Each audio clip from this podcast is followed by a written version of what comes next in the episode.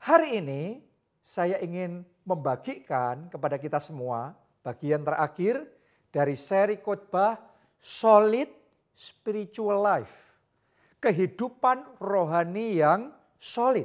Selama satu bulan ini kita belajar tentang bagaimana kita bisa membangun kehidupan rohani yang solid, yang berkualitas, yang berbobot. Nah hari ini saudaraku di bagian yang terakhir saya ingin bicara tentang yang namanya experience the wonder of worship. Alamilah keajaiban penyembahan. Jadi penyembahan itu kunci yang sangat penting untuk kita bisa membangun kehidupan rohani yang solid. Milikilah gaya hidup penyembah yang benar, penyembah yang berkualitas, penyembah yang berbobot menaikkan penyembahan yang berkualitas bagi Tuhan. Itu kunci dalam kehidupan Daniel juga. Oke, kita baca Daniel 6 ayat yang ke-11. Selama bulan ini kita banyak belajar tentang Daniel ya. Mari kita lihat. Satu lagi rahasia Daniel yang sangat luar biasa. Demi didengar Daniel bahwa surat perintah itu telah dibuat. Pergilah ia ke rumahnya. Dalam kamar atasnya ada tingkap-tingkap yang terbuka ke arah Yerusalem. Tiga kali sehari ia berlutut. Ia berdoa. Ini sudah kita bahas minggu lalu, yaitu ketika keluar surat keputusan dari raja bahwa tidak boleh ada orang yang berdoa kepada Allah mana pun kecuali berdoa kepada raja.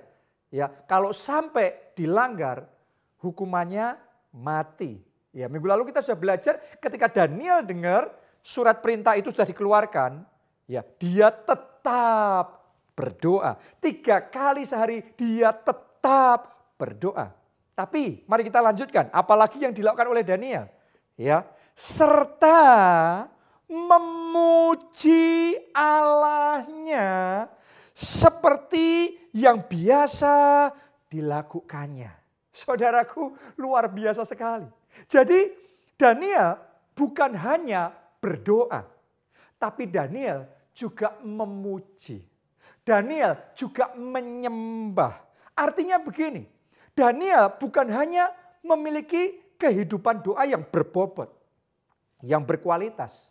Tapi Daniel juga menaikkan penyembahan yang berbobot, yang berkualitas kepada Tuhan. Kenapa saya ngomong begitu? Karena sekalipun diancam, sekalipun terancam, sekalipun ancamannya adalah hukuman mati, tapi Daniel tetap konsisten tiga kali sehari ia menyembah Tuhan.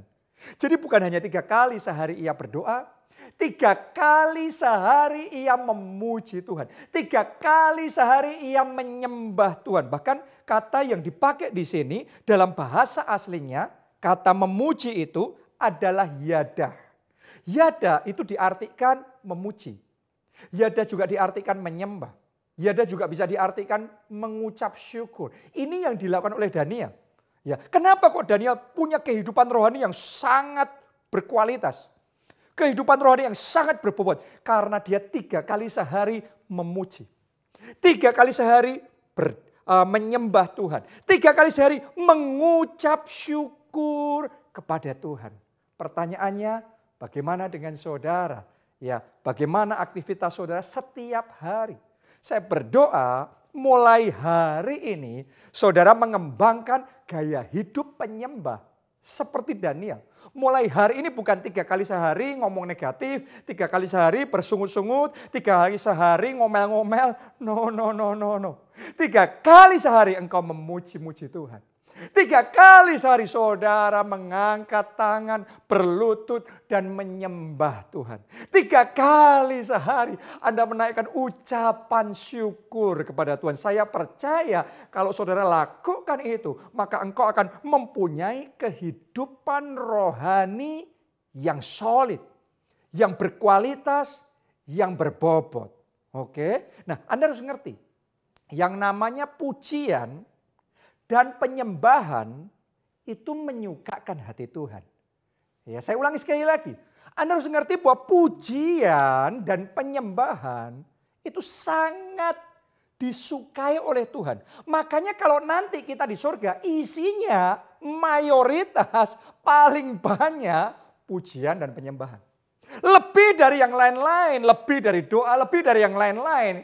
Ya mayoritas di surga itu praise and worship pujian, penyembahan, ucapan syukur kepada Tuhan. Ini aktivitas non-stop yang ada di surga karena memang mereka ngerti Tuhan disukakan dengan pujian dan penyembahan. Saya bacakan di Wahyu 4 ayat 8 sampai ayatnya yang ke-11. Ditulis begini. Dan keempat makhluk itu masing-masing bersayap enam sekelilingnya dan di sebelah dalamnya penuh dengan mata. Dan dengan tidak berhenti-hentinya mereka berseru siang dan malam. Berarti nggak henti-henti. Berarti terus menerus. Berarti non-stop. Siang dan malam. Apa yang mereka lakukan? Mereka berseru begini. Kudus, kudus, kuduslah Tuhan Allah yang maha kuasa yang sudah ada dan yang ada dan yang akan datang. Dan setiap kali makhluk-makhluk itu mempersembahkan puji-pujian dan hormat dan ucapan syukur kepada dia yang duduk di atas tata itu dan yang hidup sampai selama-lamanya. Maka tersungkurlah ke-24 tua-tua itu di hadapan dia yang duduk di atas tata itu dan mereka menyembah dia yang hidup sampai selama-lamanya dan mereka melemparkan mahkotanya di hadapan tahta itu sambil berkata, "Ya Tuhan, dan Allah kami, Engkau layak menerima puji-pujian dan hormat dan kuasa sebab Engkau telah menciptakan segala sesuatu dan oleh karena kehendakmu semuanya itu ada dan diciptakan. Jadi saudaraku di ayat ini ya Tuhan firman Tuhan memberikan gambaran seperti apa surga. Ternyata surga isinya adalah pujian dan penyembahan. Surga isinya adalah pengagungan dan penghormatan pada Tuhan. Kenapa? Karena ini favoritnya Tuhan. Ini sweet spotnya Tuhan. Ini sesuatu yang sangat disukai Tuhan. Ini sesuatu yang sangat menyentuh dan menyukakan hati Tuhan. Non-stop, terus-menerus, siang dan malam. Oh saya berdoa ya di gereja kita terus-menerus pujian penyembahnya nggak stop, nggak pernah berhenti. Siang, malam, non-stop, terus-menerus, tiada henti pujian penyembahan. Ucapan syukur, penghormatan dan pengagungan kita persembahkan kepada Tuhan. Doa saya demikian pula di rumah kita masing-masing. Ya, di rumah kita masing-masing siang malam pujian penyembahan. Dari hidup saudara masing-masing, pujian, penyembahan, menyukakan hati Tuhan. Jadi saya ajak saudara, jemaat keluarga Allah, mari senangkan Tuhan dengan pujian dan penyembahan kita. Oke, Tuhan itu sangat menikmati pujian dan penyembahan kita. Dan karena Tuhan sangat menikmati dan dia terus menerus menerima pujian dan penyembahan, makanya Tuhan jadi sangat expert sangat ahli di dalam menilai kualitas pujian dan penyembahan. Oke, ibaratnya saudara yang suka sama kopi, ya, saudara ngerti kopi mana yang berkualitas, mana yang tidak, mana yang bagus, mana yang tidak. Kalau kita nggak suka kopi, rasanya kopi semuanya sama. Benar? Ya, tapi kalau saudara pecinta kopi, saudara bisa ngerti perbedaannya. Ya, jadi kalau kita suka sesuatu, makin kita suka, makin kita ngerti. Yang mana yang berkualitas, yang mana yang tidak. Yang mana yang bagus, yang mana tidak. Demikian pula halnya dengan Tuhan. Tuhan itu ngerti pujian mana yang berkualitas, mana yang tidak. Penyembahan mana yang meluap dari hati, mana yang asal-asal. Tuhan ngerti.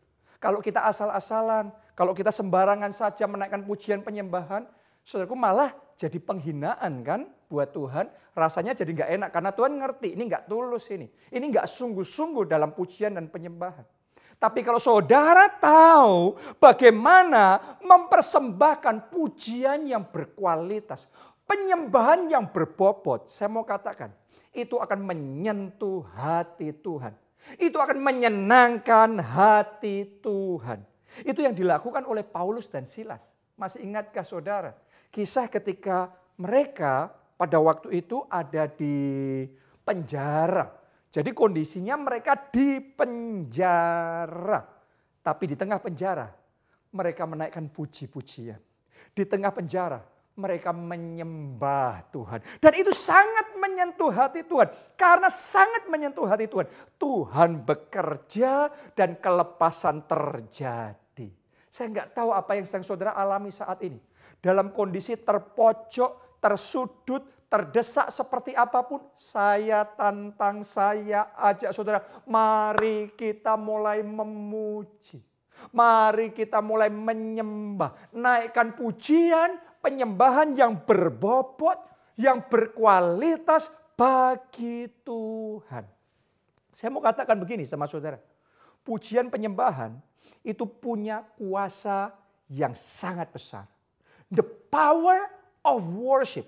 Ada keajaiban yang besar di dalam pujian dan penyembahan. The wonders of worship. Keajaiban dalam penyembahan. Ini yang saya mau bagikan hari ini buat kita semua. Ya, apa saja keajaiban yang bisa kita alami saat kita menyembah Tuhan. Nomor satu, ya, ketika doa seolah gagal, tapi penyembahan tidak pernah gagal. Hmm, mungkin saudara mendengar perkataan saya seperti itu, saudara ngerasa gimana ya?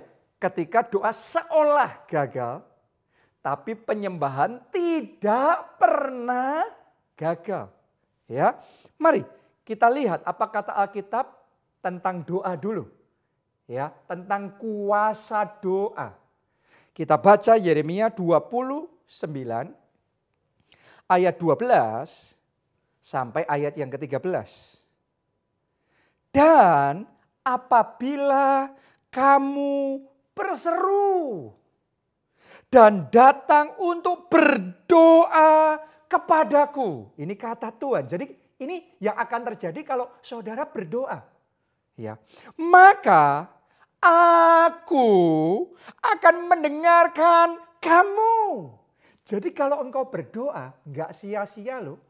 Saya mau katakan sama saudara, doa saudara tidak sia-sia. Karena ketika saudara berdoa, Tuhan mendengar. Dan kalau Tuhan mendengar, Tuhan menjawab. Saat ini juga saya berdoa, setiap permohonan doa saudara ada jawaban dari Tuhan. Ada mujizat dari Tuhan.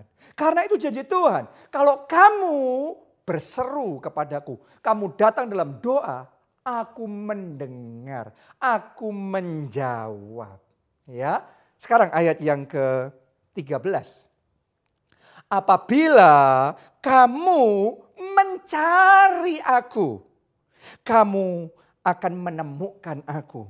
Apabila kamu menanyakan aku dengan segenap hati. Nah ayat yang kita baca ini bicara tentang doa. Orang yang mencari Tuhan. Di dalam doa. Orang yang menanyakan tentang Tuhan. Berseru sama Tuhan. Di dalam doa. Ya, jadi ketika kita berdoa. Kita itu mencari Tuhan. Oke, tapi saya mau tambahkan begini sama saudara. Ketika kita menyembah Tuhan yang menemukan kita. saya ulang sekali lagi ya. Ketika kita berdoa, kita yang mencari Tuhan. ketika kita menyembah Tuhan yang menemukan kita. Saya bacakan ayatnya buat saudara. Yohanes 4 ayatnya yang ke-23. Ditulis begini. Ya. Tetapi saatnya akan datang dan sudah tiba sekarang bahwa penyembah-penyembah benar akan menyembah Bapa dalam roh dan kebenaran. Sebab, kalimat terakhir perhatikan nih. Sebab Bapa menghendaki penyembah-penyembah demikian.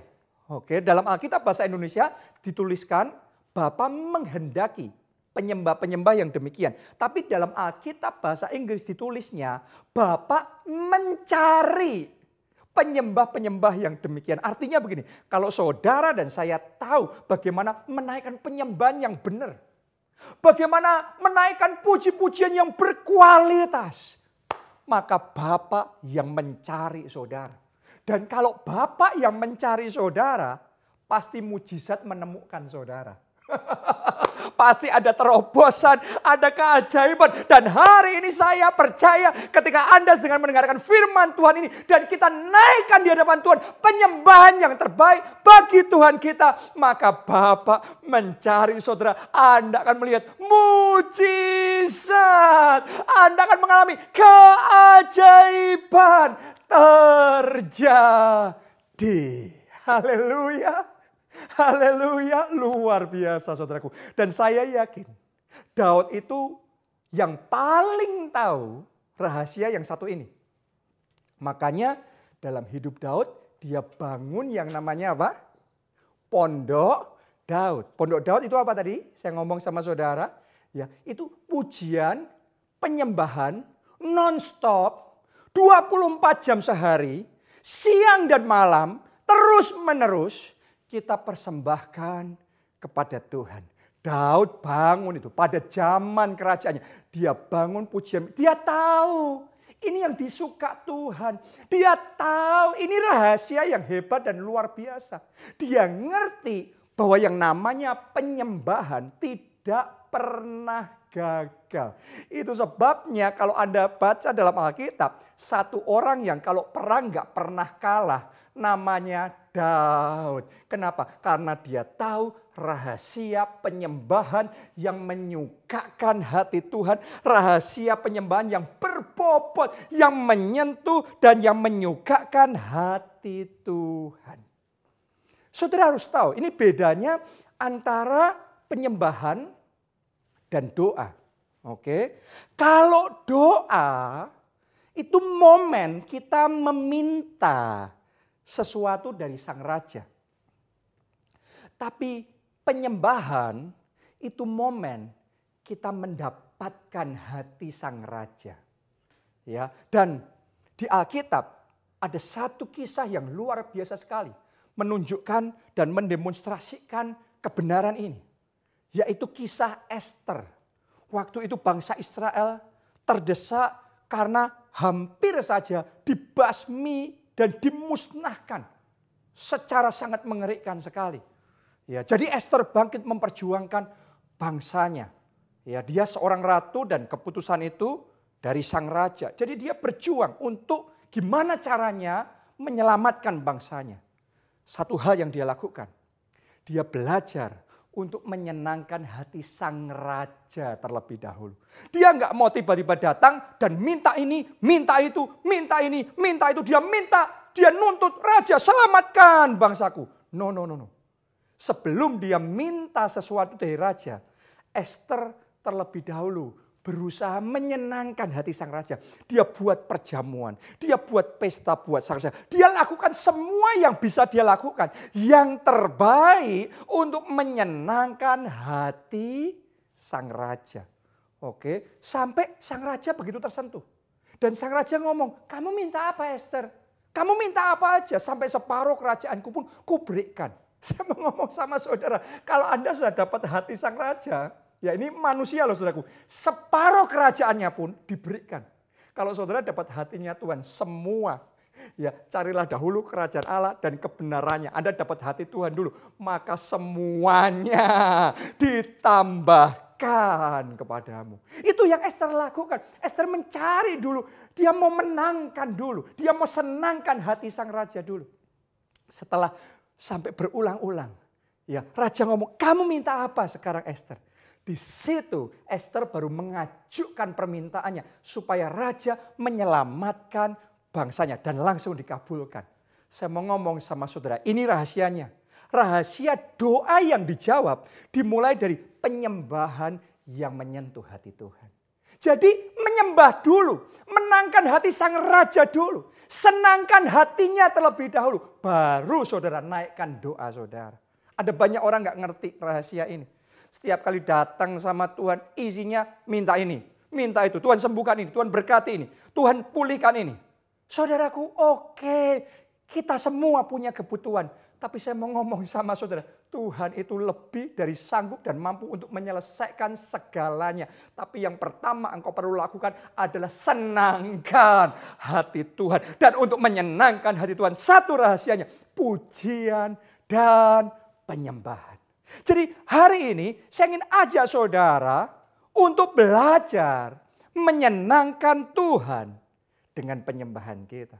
Karena penyembahan tidak pernah gagal. Oke, itu yang pertama. Yang kedua, ya orang yang menyembah Tuhan akan berhasil dalam segala pekerjaannya. Saya mau bacakan buat saudara satu kisah orang yang namanya Eliezer. Ya, nggak dicatat banyak, tapi ini spesial sekali Eliezer ini hambanya Abraham. Nah suatu kali dia dikasih tugas untuk mencarikan jodoh buat Isa. Isa itu anaknya Abraham. Nah mari kita lihat bagaimana Eliezer bisa berhasil menjalankan tugas tersebut. Ya, kita baca Kejadian 24 ayat yang ke-12. Lalu berkatalah ia, Tuhan Allah Tuanku Abraham, buatlah kiranya tercapai tujuanku pada hari ini. Tunjukkanlah kasih setiamu kepada Tuanku Abraham. Nah kalau Anda tadi memperhatikan, ya saudara akan ngerti. Eliezer sedang apa? Berdoa berdoa. Ya, jadi Anda perlu berdoa. Jangan cuma menyembah, tapi sudah harus berdoa. Dan jangan cuma berdoa, kita harus menyembah. Menyembah dulu, baru berdoa. Oke, nah mari kita lihat apa yang Eliezer juga lakukan. Ya, kita lihat ayat yang ke-26. Lalu berlututlah orang itu dan sujud menyembah Tuhan. Ternyata ini Eliezer, dia bukan cuma berdoa, tapi dia juga menyembah. Ya, ayat 48. Kemudian berlututlah aku dan sujud menyembah Tuhan serta memuji Tuhan. Sampai di situ saja. Sekarang lompat lagi ayat 52. Ya, saya kasih cuplikannya ya Saudaraku ya supaya kita bisa cepat nangkepnya ya. Spirit seperti apa, hati seperti apa yang dimiliki Eliezer sehingga perjalanannya berhasil. Oke, ketika hamba Abraham itu mendengar perkataan mereka, sujudlah ia sampai ke tanah. Wow, menyembah Tuhan. Jadi kalau kita perhatikan di dalam kisah ini, kita akan menemukan bahwa Eliezer ini menggabungkan doa dan penyembahan. Dia tidak hanya berdoa, tapi dia juga menyembah. Dia tidak hanya menyembah, tapi dia juga berdoa. Itu yang membuat perjalanannya berhasil. Saya berdoa perjuanganmu berhasil. Saya berdoa di tahun 2020 ini perjuangan saudara berhasil. Pelayanan saudara berhasil. Kesaksian saudara berhasil. Pekerjaan saudara berhasil. Kuncinya gabungkan doa dan penyembahan. Saudaraku, ada begitu banyak orang yang minta saya doakan ya setiap kali saya live streaming di JSM ya di YouTube, di Instagram dan di Facebook. Dan saya menerima begitu banyak. Setiap kali saya uh, live streaming, ada ratusan permohonan doa. Nah saya perlu ngomong begini sama saudara. Di situ saya menggabungkan iman saya untuk doa buat saudara. Tapi saya sarankan saudara bukan hanya ikut doa bareng Pastor Joe itu di JSM. Tapi saudara juga ikut pondok Daud. Di gereja kita ada yang dinamakan pondok Daud. Seperti yang dilakukan Daud. Ada pujian penyembahan siang dan malam. Sekarang memang Anda nggak bisa ikut pondok Daud offline. Karena masa yang seperti ini. Tapi Anda masih bisa ikut pondok Daud online. Di situ saudara naikkan pujian penyembahan. Dan tolong sadari, waktu engkau memuji Tuhan, waktu yang engkau habiskan untuk menyembah Tuhan, tidak pernah sia-sia. Berjam-jam saudara memuji, saudara menyembah. Anda sabar, oke? Anda senangkan hati Tuhan terlebih dahulu. Anda sukakan hati Tuhan terlebih dahulu. Anda menangkan hatinya terlebih dahulu. Waktu Anda menangkan hati Tuhan, Anda ikut Pondok Daud online. Setelah itu Anda masuk di JSM, kita doa bersama-sama, saya dan saudara gabungkan iman, kita berseru sama Tuhan, kita doa profetik. Saya yakin kuasa Tuhan akan dilepaskan, mujizat terjadi, perjalananmu, perjuanganmu akan dibuat Tuhan berhasil berhasil. Saya deklarasikan di dalam nama Yesus, berhasil. Amin saudaraku. Haleluya. Tuhan kita Tuhan yang luar biasa. Ini keajaiban yang ada di dalam penyembahan. Yang ketiga, ya, Tuhan tidak pernah meninggalkan orang yang menyembahnya. Ya, waktu kita menyembah, Tuhan bekerja. Oke, waktu engkau menyembah, Tuhan bekerja. Enggak sia-sia saudaraku berjam-jam menyembah Tuhan itu enggak cuma nyanyi kosong. Tuhan bekerja. Kita baca beberapa ayat. Matius 8 ayat yang kedua ditulis begini. Maka datanglah seorang yang sakit kusta kepadanya. Dia sedang apa? Sakit kusta. Mari kita lihat apa yang dilakukan saat sakit. Lalu sujud menyembah dia, menyembah dia dan berkata, "Tuhan, jika Tuhan mau, Tuhan dapat mentahirkan aku." Wow, wow, wow, wow. Ya, saat dia sakit, dia enggak komplain, dia enggak bersungut-sungut, tapi dia sujud menyembah. Setelah itu, dia bangun sudah sembuh. Saya mau ngomong sama saudara, saat engkau terpuruk, sujudlah menyembah Tuhan. Saat engkau habis-habisan, ngalami kerugian dan remuk redam, sujud menyembah Tuhan. Saat engkau terdesak dan tidak berdaya, sujud menyembah Tuhan. Maka babak berikutnya yang Tuhan kerjakan, kesembuhan terjadi kemenangan terjadi, keajaiban terjadi. Amin. Haleluya. Ini kuasa dalam penyembahan. Lanjutkan lagi. Matius 9 ayat 18. Sementara Yesus berbicara demikian kepada mereka, datanglah seorang kepala rumah ibadat. Berarti ini pelayan Tuhan ya, ini seorang majelis ya ini seorang staf gembala boleh dikatakan seperti itu. Lalu menyembah dia. Kenapa? Kita lihat. Dan berkata, anakku perempuan baru saja meninggal. Tetapi datanglah dan letakkanlah tanganmu atasnya. Maka ia akan hidup. Anda baca tadi, anaknya baru saja apa? Meninggal. Artinya secara manusia sudah hopeless. Nggak ada harapan. Di saat tidak ada harapan dia nggak putus asa. Dia menyembah. Saat dia menyembah keadaan dirubah oleh Tuhan. Tadinya nggak ada harapan. Sekarang penuh harapan. Kebangkitan terjadi. Mungkin saat ini dalam hidup saudara secara manusia tidak ada harapan.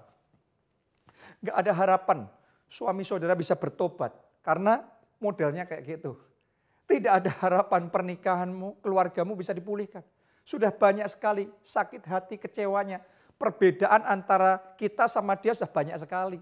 Ya nggak mungkin bisa secara manusia. Tidak ada harapan lagi untuk pekerjaan saudara bisa tertolong. Tidak ada harapan lagi Anda bisa bayar hutang itu. Saya mau ngomong dalam kondisi apa pun saudara saat tidak ada harapan saudara menyembah.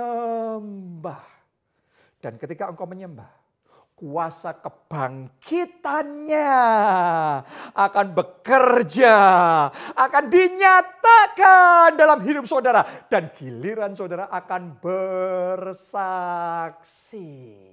Haleluya. Kuncinya menyembah. Haleluya saudaraku. Ayat yang berikutnya Matius 15 ayat yang ke-25. Ini kisah tentang seorang perempuan Kanaan, ya. Tetapi perempuan itu mendekat dan menyembah dia sambil berkata, "Tuhan, tolonglah aku." Kalau Anda baca dalam Alkitab dengan lengkap kisah ini, sudah akan menemukan bahwa sebenarnya Tuhan nggak punya rencana melakukan mujizat buat perempuan itu. Harusnya nggak ada mujizat buat perempuan itu, tapi dia tetap menyembah. Dari nggak ada mujizat, jadi terjadi mujizat. Kenapa? Menyembah Tuhan. Jadi saya nggak ngerti, saudara saat ini dalam kondisi yang seperti apa. Mungkin harusnya nggak terjadi mujizat itu. Harusnya nggak ada pemulihan itu. Harusnya nggak ada jawaban doa. Nggak harusnya nggak ada jalan keluar itu. Tapi menyembah Tuhan. Anda akan melihat keajaiban yang luar biasa. Tuhan kerjakan dalam hidup saudara. Amin saudaraku. Haleluya. Yang keempat, keajaiban dari penyembahan yang keempat. Tuhan menyelamatkan orang yang menyembahnya. Oke, kita baca Matius 2 ayat yang ke-11. Maka masuklah mereka ke dalam rumah itu. Mereka ini orang-orang majus dari timur. Dan melihat anak itu, bayi Yesus, bersama Maria ibunya. Lalu, perhatikan, ini yang dilakukan orang majus itu.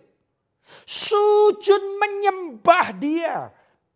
Mereka pun membuka tempat harta bendanya dan mempersembahkan persembahan kepadanya, yaitu emas, kemenyan, dan mur. Jadi yang dilakukan orang majus ini menyembah. Padahal mereka nggak sadar. Raja Herodes sedang membuat rencana jahat untuk mencelakakan bayi Yesus dan juga mencelakakan mereka. Jadi ada bahaya besar yang mengancam mereka tidak sadar. Tapi yang mereka lakukan menyembah. Dan karena menyembah menyukakan hati Tuhan. Tuhan gak rela mereka binasa. Tuhan bertindak. Tuhan menampakkan diri kepada mereka melalui mimpi. Dan Tuhan menyelamatkan dari bahaya yang seharusnya tidak mereka sadari. Saudaraku saat ini kita ada di zaman yang orang ngomong ini masa pandemi. Oke, dan yang namanya penularan virus corona atau sakit penyakit itu sering kali tidak kita sadari. Di mana-mana itu bisa terjadi penularan. Ada bahaya yang mengancam. Saya mau ngomong begini sama saudara. Kalau Anda hidup dalam penyembahan. Tolong dengarkan. Kalau engkau punya gaya hidup menyembah Tuhan yang akan menjaga saudara. Tuhan yang akan membentengi saudara. Tuhan yang akan melindungi saudara. Karena Tuhan disukakan dengan penyembahan saudara. Karena itu pastikan engkau menyembah. Pastikan keluargamu menyembah. Keluarga yang menyembah. Maka akan ada perlindungan ilahi dari Tuhan untuk keluarga saudara. Amin saudaraku. Ya, yang kelima, penyembahan melunakkan hati Tuhan. Sehingga anugerah dicurahkan. Dengan kata lain, penyembahan itu mendatangkan anugerah Tuhan dalam hidup kita. Matius 18 ayat 26, Maka sujudlah hamba itu menyembah dia.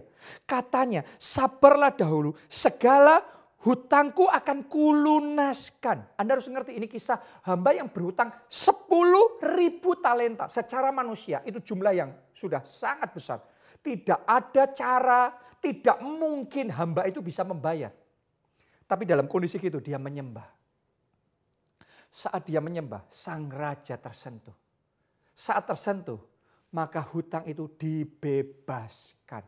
Saya mau ngomong sama saudara, belenggu hutang, belenggu kesulitan apa pun yang saat ini siap menelan dan menghancurkan, membinasakan saudara. Akan dilepaskan ketika engkau menyembah. Ada anugerah yang spesial. Saya rasakan. Ya bahkan sementara firman Tuhan tentang penyembahan ini saya bagikan. Saya bisa merasakan hati Tuhan sedang disukakan. Karena hati menyembah ini sedang dikobarkan. Dan ketika saudara sungguh-sungguh menyembah Tuhan. Anugerah yang besar itu akan tercurah dalam hidup saudara. Amin. Haleluya. Tuhan kita baik. Masih ingat gak saudara kisah tentang Abigail? Ya, Abigail itu istri dari Nabal. Nabal ini orang yang bebal sekali, orang yang kaya tapi bebal sekali. Ya dia ngomongnya kasar, memperlakukan orang-orangnya Daud dengan kasar. Daud marah, bawa tentaranya mau basmi Nabal dan semua orang di rumahnya. Artinya celaka keluarga itu, celaka keluarganya Nabal. Tapi Nabal punya istri namanya Abigail. Abigail ini ngerti mereka dalam bahaya. Langsung dia mempersiapkan persembahan, mempersiapkan semua yang dia bisa bawa, pemberian untuk dibawa kepada Daud. Dan begitu Abigail ketemu sama Daud, yang pertama yang dilakukan adalah Abigail turun, dia mendekat sama Daud langsung, belum apa-apain, langsung menyembah dulu. Begitu menyembah hati Daud langsung sudah ya dilunakkan. Sehingga harusnya keluarga Abigail celaka. Tapi keluarganya diselamatkan. Kenapa? The power of worship. Manusia aja gitu. Saya ajak saudara melunakkan hati Tuhan. Dengan menyembah Tuhan. Jadi hari ini mari kita menyembah Tuhan. Saya ajak saudara, saya ajak saudara. Mari kita bawa persembahan yang terbaik bagi Tuhan. Pertanyaannya, persembahan, penyembahan yang terbaik bagi Tuhan, itu penyembahan yang bagaimana? Tadi kita sudah baca ayatnya. Ya di hari terakhir Tuhan akan bangkitkan penyembah yang benar. Yang menyembah dalam roh dan kebenaran. Tuhan itu tahu penyembahan yang berkualitas dan yang tidak berkualitas. Dia tahu. Dan yang berkualitas, yang berbobot adalah penyembahan yang penyembah yang menyembah Tuhan dalam roh dan kebenaran. Dalam roh itu artinya penyembahan yang keluar dari hati. Jangan cuma lip service.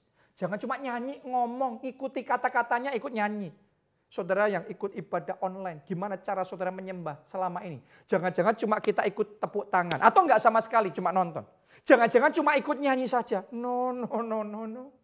Itu harus penyembahan dari hati.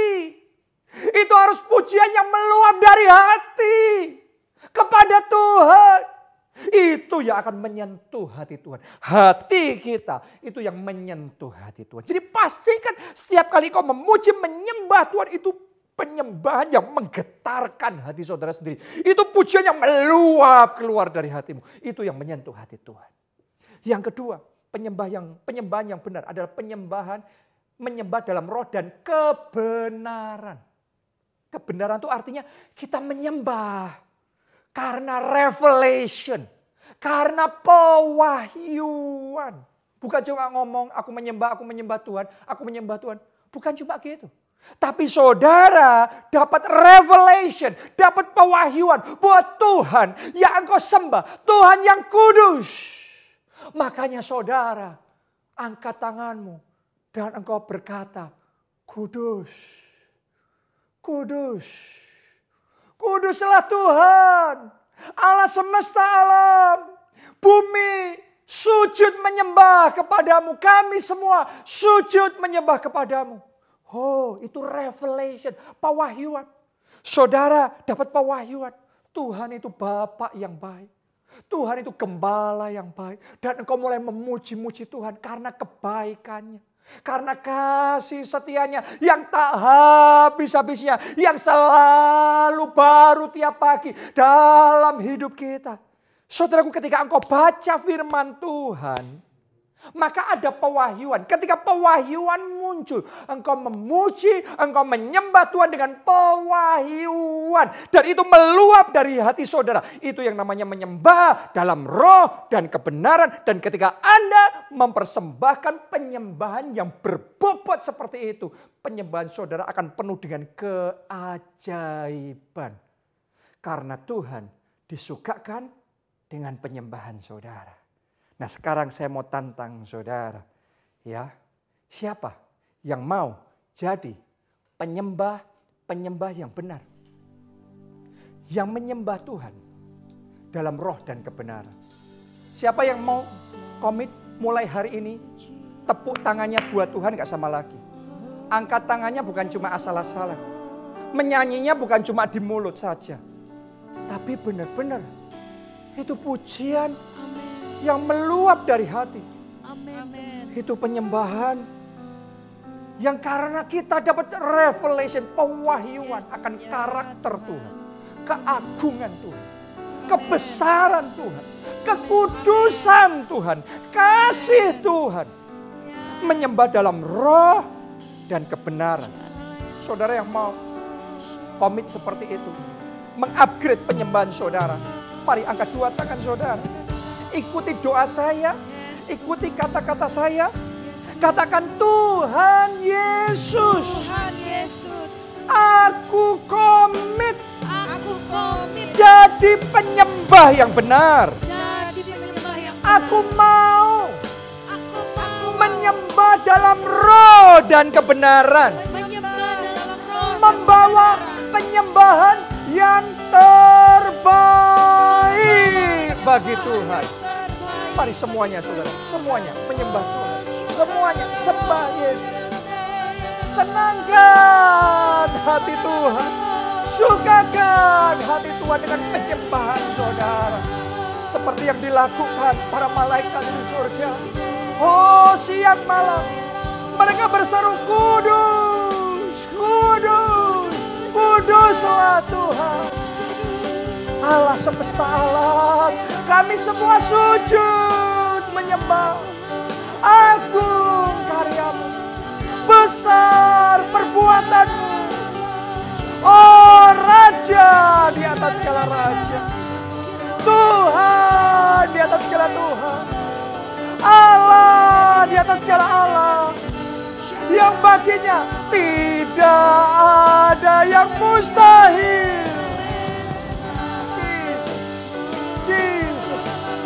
Engkau Bapa yang baik. Engkau sangat baik bagi kami. Engkau gembala yang baik. Kasih setiamu Tuhan. Untuk selama-lamanya. Dari selama-lamanya. Sampai selama-lamanya. Kasih setiamu tidak berkesudahan. Oh Jesus. Oh Jesus. Jesus, glory, glory, pujian, penyembahan, hormat, dan kemuliaan hanya bagi Tuhan. Kami komit Tuhan, membangun gaya hidup penyembah. Seperti Daud, kami komit pondok Daud. Kami mau bangun pondok Daud. Lebih komit lagi bangun pondok Daud. Itu bukan buang-buang waktu, bukan sia-sia waktu. Tapi itu momen menyenangkan hati ya, Tuhan. Tuhan. Momen memenangkan hati Tuhan. Amen. Ajar kami Tuhan jadi penyembah yang benar. Amen. Ya. Siapa di sini yang mau mengalami the wonders of worship. Keajaiban dalam penyembahan. Sementara Anda komitmen jadi penyembahnya Tuhan. Tuhan mau nyatakan kuasanya bekerja dan keajaibannya nyata dalam hidup saudara. Ingat, 2020 ini tahun kemuliaan Tuhan. Yes. Mau terangnya datang, mau kemuliaannya nyata atas saudara. Amen. Dimulai dari menyembah. Karena ketika saudara menyembah, Tuhan bekerja. Anugerahnya tercurah. Mujizatnya terjadi. Mari angkat dua tangan saudara. Ikuti doa saya. Katakan, Ya Roh Kudus, Ya Roh Kudus, saat kami menyembah, saat kami menyembah, nyatakan kuasamu. katakan kuasamu, Nyatakan anugerahmu. Nyatakan keselamatanmu. Mari semuanya berdoa, berdoa. Oh, rala pasyara, rala pasyara, taka pasyara, rala pasyara. Gabungkan penyembahan dan doa. Hatinya. Kemudian sudah doa profetik. Nyatakan kuasamu Tuhan. Nyatakan mujizatmu. Nyatakan keajaibanmu. Nyatakan the wonders of worship. Ora la pasya, la la pasya. Jesus, Jesus, Jesus. Biar pagar perlindungan ada di sekeliling kami. Dari bahaya yang tidak kami sadari, ada penjagaan dari Tuhan. Ada keselamatan dari Tuhan. Ada pertolongan dari Tuhan. Ada banjir mujizat terjadi.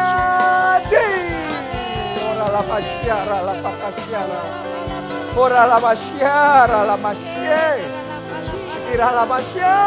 Thank you Jesus. Terima kasih Tuhan. Terima kasih Tuhan. Sungguh engkau baik.